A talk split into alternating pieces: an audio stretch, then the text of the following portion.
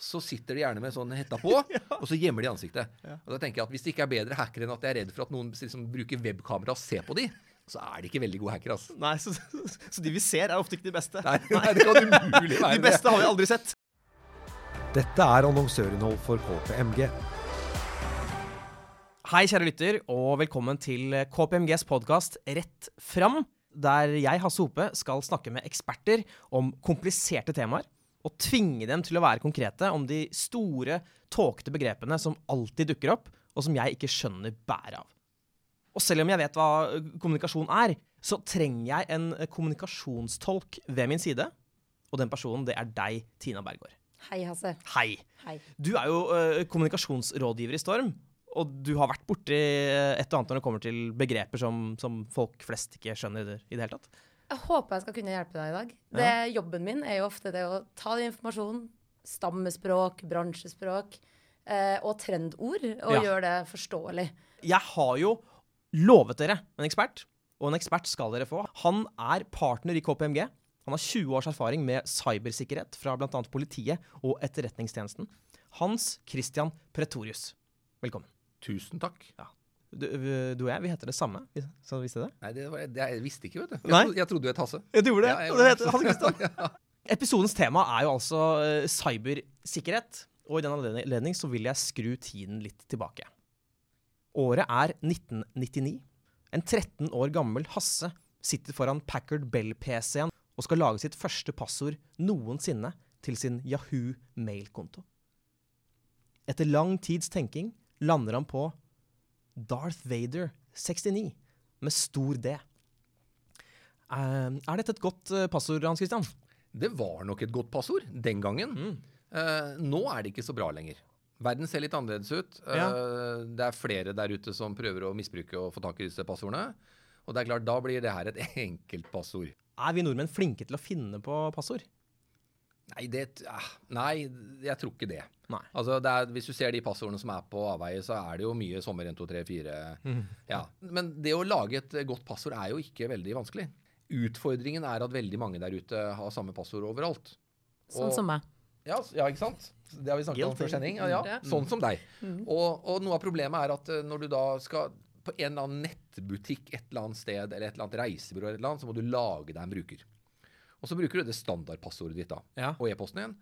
Og jevnlig så skjer jo datainnbrudd uh, hvor brukernavn og passord kommer på avveie. Ja. Og hvis du da har registrert deg et eller annet sted en eller annen gang for lenge siden, og så blir det stedet utsatt for et angrep, og da sitter de på e-posten din og passordet ditt. Og det hadde jo ikke vært noe problem det hvis du bare brukte det der. ja. Men hvis det var sommer 1, 2, 3, 4 som du bruker overalt, så, ja, det er så, så blir det en utfordring. Ok, da skal vi videre. Og folkens, det er jo en del vanskelige ord der ute som, som brukes hele tiden. Og ikke alle er så forståelige som de kanskje burde være. Så vi skal da prøve å få liksom, klarhet i det. Og derfor skal vi nå spille bullshit-bingo. Ja, kjenner, jeg gleder meg. Jeg kommer til å liste opp fire ord som du skal forklare på én setning. Er du Oi, med? ja, jeg er med. Ja? Ja, ja, ja. Ok. Det første ordet jeg eh, lurer på, det er jo et ganske viktig ord når det kommer til cybersikkerhet. Og det er ordet cyber. Ja. Cyber er jo det amerikanske eller engelske ordet for data eller IKT. Det er nøyaktig det samme. Likhetstegn. Ja, noen, ja, vi kan faktisk si likhetstegn. Men jeg kunne også sagt at jeg driver med data- eller IKT-sikkerhet. Ja, det kjedelig ut. Ja, så på et middagsselskap så driver jeg med cybersikkerhet. Ja, da er du den kuleste i rommet. Selvfølgelig. Ja, ok. Ja. Ok, Da skal vi til eh, et annet ord. og Dette, dette vet jeg bokstavelig talt ikke hva det betyr. Altså, Jeg har ikke gjort research på det av en grunn. Jeg skal Ja. komme inn her helt grønn, og ordet er DDoS. Eller DDoS. I alle dager. Ja. Skal jeg forklare det med én setning? Prøve.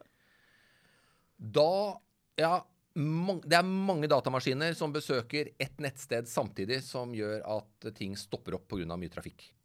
Og da vil det krasje. Og da krasjer det. Ja. Det er det, DOS.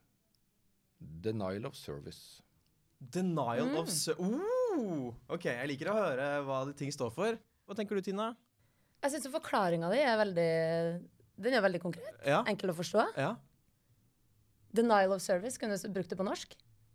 Tjenestenekt, da. Et tjenestenektangrep er jo det norske Oi. ordet for det. Men ja. Vi skal til et eh, annet ord som jeg ikke har noen forutsetning for å vite hva betyr. APT APT-er. Ah. APT. Stor, stor A, stor P, stor T, Ja. og så liten E og R. Så blir AP, APT-er. Ja. Advanced Persistent Threat Nei, men står det for da, Hans Christian. På engelsk. Ser du hodet? Hjernen min sprenger. Hva i alle dager? Trusselaktør. Trussel, trusselaktør. Så vi bruker liksom APT om, kall det, statlige aktører som driver spionasje. Ja. Det er vel òg kanskje et, et begrep som ikke så mange eh, i samfunnet trenger å forholde seg til. Nei, det er jo egentlig ikke det. For den sjangeren som da er APT, er jo statlige aktører som spionerer på, på Norge i og for seg. ja. Og sånn er nå verden. Alle land spionerer på alle land. OK, da kommer vi til det siste ordet. Og det, jeg vet ikke hva det betyr, men det er, det er i hvert fall et veldig morsomt ord. Det ruller av tungen. Oi. Ja, det er morsomt. Spoofing. Ja. Hæ? Spoofing er det å jukse med avsenderadressen på en e-post. Er det spoofing? Ja. OK. Så det å utgi deg for at du er en, noen andre enn det du er. Du, du, får, du gjør om avsenderadressen. Ja. Så når han kommer til din e-post, så ser det ut som det er fra noen andre enn det det egentlig er. Okay. Det er spoofing. Og jeg, har, øh, jeg, har- jeg har faktisk en personlig historie fra det der, fordi mamma fikk en mail for et år siden fikk en mail fra Netflix. Selveste Netflix hovedkontoret sa at kortet ditt funker ikke lenger. For at du skal kunne se på The Crown sesong 3, så må du dessverre oppdatere kort, kortinformasjonen din. Hva skjer? Plutselig må hun betale 10 000 kroner for å få se på det. Og det gjorde hun. 10 000 kroner. Ja. Ja. Det var bra serie, da. Ok. I mars 2019 da ble et eh, norsk gigantselskap angrepet av løsepengevirus. Produksjonen stoppet opp på flere anlegg, og PC-er måtte skrus av. Selskapet de nektet å betale hackerne, og prislappen skal ha endt på et sted rundt 800 millioner kroner. Dette, dette er jo veldig skummelt, og dette er et stort eh, tall, Hans Christian. Hvor vanlig er egentlig sånne hackerangrep på norske bedrifter? Det er jo det som er eh, Nå er jo dette stort og kjent eh, Og det er klart det, det tallet du sier, altså det de tapte, da, eller fikk i kostnader knyttet til dette, var jo formidabelt. Det var stort. Ja. Eh, noe av utfordringen er at den type angrep har jo økt dramatisk. Noen, noen rapporter viser 300% økning på ni måneder. Dette vil vi se mer av, dessverre. Ja. Hvor stor er da eh, risikoen for et, tilfeldig norsk eh, selskap i dag for at det kommer til å skje med dem neste uke? Det litt sånn utfordrende nå er jo at den risikoen er relativt stor, faktisk. Eh, og det har jo alltid vært en, liksom en sånn arbeidsmetodikk at der du har store verdier, ting som er viktig for deg, sånn, det må du beskytte mer enn det som ikke er så viktig. Ja. Og det gjør at noen selskaper som har store verdier, har måttet beskytte seg mye og brukt mye penger på det, og andre har kunnet bruke mindre. Nå har vi fått en gjeng kriminelle som egentlig ikke bryr seg om om du er viktig eller ikke i det hele tatt. De skal bare inn og drive utpressing. ja. Uh, og det gjør jo at alle selskaper i Norge, fra de små til de store, kan bli utsatt for dette. Det du trenger kunnskap om, er hvordan disse kriminelle i Hvordan bryter de seg inn? ja. Og det de stort sett gjør, er at de kommer inn via e-post. E-post, Noe så enkelt som e-post. Det klassiske veien inn er en e-post til en ansatt som lar seg lure, klikker på den e-posten, og så får de et fotfeste osv. osv. Jeg har jo prøvd dette mange ganger, å lure ansatte. Og det er jo noen ting som virker hver gang. Ja. Ja, det trikset er eksempel, hvis du sender en e-post e-post til alle ansatte i en organisasjon Ja. som ser ut som kommer fra HR-avdelingen, og det ser ut som det ligger et regneark i den e-posten med lønnen til alle ansatte, altså en oversikt over hva alle har i lønn, ja. Det klikker stort sett alle på. Alle vil se Alle vil se, alle vil se det. Så det du sier, er at uansett hva de store bedriftene gjør, så vil det alltid handle om hva den enkelte ansatte eh, gjør, da. Altså hva de lar seg lure av. Ja, til en viss grad så er det det. Ja. Men så er det jo Det fins jo en IT-avdeling her, og det fins noen som er ansvarlig for den PC-en nå. Ja. Eh, så det går jo an å putte på tekniske tiltak som ikke den enkelte ansatte er ansvarlig for, Ja. som reduserer denne risikoen. OK. Og det er jo sikkert et buzzword, det. Uh, Tonivåautentisering. Altså du må ha mer enn passordet ditt for å logge deg inn. Tonivåautentisering? Ja, autentisering er jo på en måte hvem, hvem er du? Ja. Ja, og stort sett så har du et brukernavn, og det, det er jo ikke hemmelig. Og så har du et passord som er hemmelig. Og kombinasjonen av brukernavn og passord gjør at du kommer inn. Ja. Hvis du legger på én ting til, og gjerne en fysisk ting, og det kan være et, eh, en minnebrikke, det kan være en app på mobilen, kan- det kan være et eller annet som, som endrer seg, da legger du på ett nivå til. Ja. Og det klarer man jo ikke å stjele.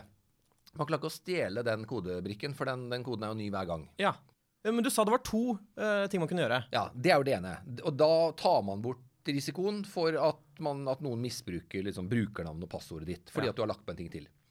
Uh, og det andre er at hvis det blir misbrukt, så dreier det seg om å redusere muligheten for å installere ting på PC-en din eller Mac-en din. da. Ja. For det er jo det de gjør når du henter dette vedlegget eller går til denne linken.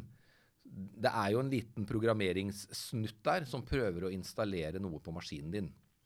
Og det kan du jo hindre. Det kan du liksom skru av og, og konfigurere denne maskinen til at eh, den ikke får lov til å gjøre det. ja. Og da har du kommet veldig langt. Ok, nå har vi jo snakket om hvordan man kan unngå å, å bli hacket, men det jeg lurer på er hvor ille kan det gå? Altså, hva er det verste eksempelet du har sett, Hans Christian? Et eksempel er jo en norsk kommune som, eh, som ble truffet. Som ble utsatt for det samme. ikke sant? Noen kom seg inn i systemet, eh, krypterte det, liksom det meste av dataene. Og da ser man jo hvor avhengig man er av disse digitale løsningene. da. Eh, på aldershjemmet så virker jo da ikke liksom alarmsystemet, så de eldre får liksom ikke de får jo ikke sagt fra. De får liksom Oi. ikke dratt i, i snora ved senga når de trenger hjelp. Så da måtte det altså settes ut uh, bjeller. Eh, sånn at de kunne ringe, og så måtte man øke bemanningen sånn at man hørte da, hvis sant, pasienten i senga faktisk ringte og ba om hjelp. da. Så, så det er jo den type liksom, konsekvenser man egentlig ikke alltid har klart for seg. Hvor inngripende en del av disse dataløsningene er, og hva som faktisk kan stoppe. Nå skal vi uh, få det litt positivt igjen. Skal tenke litt positivt her. Altså, hva er drømmescenarioet her at alle gjør nå? En drømmescenario er faktisk en større kompetanse i samfunnet hvor flere forstår hva dette er. Ja. For vi skal bruke det. Det er et fantastisk verktøy for å digitalisere og effektivisere. Og, og det finnes utrolig mulighetsrom. Så vi skal ikke være redd for det, men vi må forstå det. Ok, så mer opplæring. Mer opplæring. Um, det siste jeg kommer til å be deg om uh, i dag, Hans Christian, det er Det er så deilig å si mitt eget navn til noen andre. Det er, å, jeg, jeg liker det. Jeg liker det. Um, eh, jeg kommer til å stille deg tre, tre spørsmål nå. Nummer én, hva skal vi begynne med? Vi skal begynne med det enkle, lavthengende fruktene for å håndtere dette. Mm. Og da er vi på tonivåautentisering, uh, patching, altså at du har en oppgradert maskin. Oi, oi, oi! Hei, hei, hei. At man takker ja når maskinen sier 'jeg vil oppgradere meg'. Det er Ja. irriterende å ta lang tid. Ofte så er det dårlig når det teller jo så sakte opp i prosent noen ganger. Ja. Si ja til det. Det, det er det mange som sier nei til. Ja. For det, når det er sånn Du Du har aldri tid. Du har aldri tid? Nei. Nei. Ta deg tid til det. Ta tid til det. Ja. OK. Hva skal vi fortsette med? Vi skal fortsette det vi har begynt med nå, som er, øh, og det vi driver med nå. Vi skal fortsette å øke forståelsen, vi skal fortsette å snakke om dette. Vi skal gjøre dette forståelig for alle. Da kan vi ta de gode diskusjonene også om løsningene. Bra. Det var kortfattet og bra. Hva skal vi slutte med? Vi skal slutte å mm, gjøre dette skummelt og stort og uforståelig. Eh, det er ikke det. Det er ikke så, så far, eller det er ikke så skummelt som vi tror det er. Nei, altså for å håndtere det vi opplever som skummelt, så må vi skjønne, må vi skjønne det. Og da kan vi liksom diskutere hva skal vi gjøre med det. Know your enemy, som Sun Tzu skrev. Kinesisk. Veldig bra oppsummert. Tusen takk. OK. Um, veldig godt eh, svart, eh, Hans Christian. Og uh, nå, nå ser jeg på deg, Tina. Fordi nå har vi jo vært gjennom uh, temaet her. Mm. Vært innom mange forskjellige spørsmål. Mm. Hva er din ekspertdom på uh, hvordan Hans Christian har lagt fram cybersikkerhet til folket? For det første veldig, lær, altså veldig, veldig lærerikt. Det er jo veldig teknisk, det som Hans Christian nå snakker om. Så mye som er det er så enkelt å hele tatt skulle gjøre ting enkelt forklart. Men jeg syns du er veldig god på det. Og så vil jeg kaste egentlig ballen litt over til deg, Jan Hasse, på én ting. Hvis du skal si det viktigste du tar med deg hjem eh, her nå fra den samtalen med Hans Christian, hva er det? Vet du hva? Det er ingen tvil om at det viktigste jeg har lært i dag, det er tonivåautorisering. Autentisering. Aute OK! Jeg har alltid litt forvirringspotensial. Tonivå, autentisering. Ja. Et kjempeord som jeg skal benytte meg på av- i alle stedene jeg logger inn på internett. Veldig, veldig lurt. Det var det vi rakk for i dag. Hans Christian og Tina, takk for at dere ble med i dag. Selv takk. Takk, Nei, jeg skulle bare mangle. Rett fram er en podkast laget av DNX for KPMG. Og for ordens skyld så tar vi med at Storm Communications jobber altså for KPMG. Vi høres neste gang.